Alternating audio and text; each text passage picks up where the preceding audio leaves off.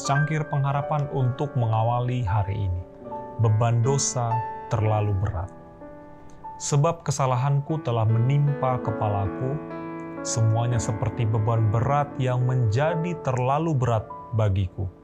Mazmur 38 ayat 5 Bila setan mengatakan bahwa engkau seorang berdosa dan tidak mempunyai harapan menerima berkat dari Allah, katakanlah kepadanya bahwa Kristus datang ke dunia ini untuk menyelamatkan orang berdosa.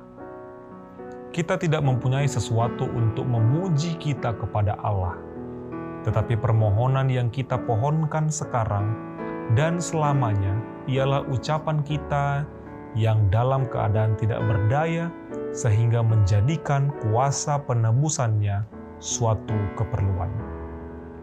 Membuangkan sifat yang hanya berpaut pada diri sendiri, kita dapat memandang kepada salib Golgota dan berkata, Aku datang dengan tangan hampa, hanya bergantung pada salibmu.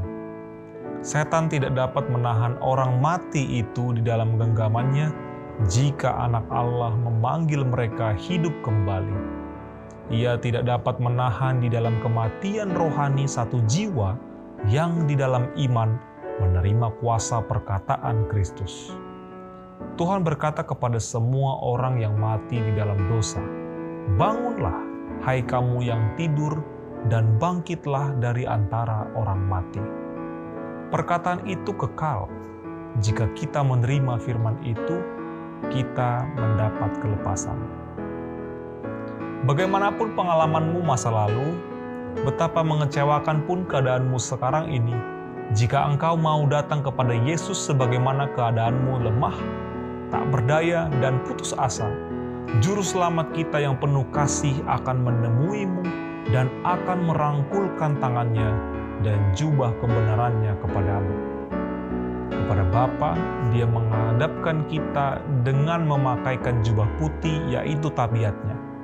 Untuk kepentingan kita, dia memohon kehadapan Allah Aku telah mengambil alih tempat orang berdosa. Janganlah hendaknya anak yang tidak patuh ini engkau pandang, tetapi biarlah aku.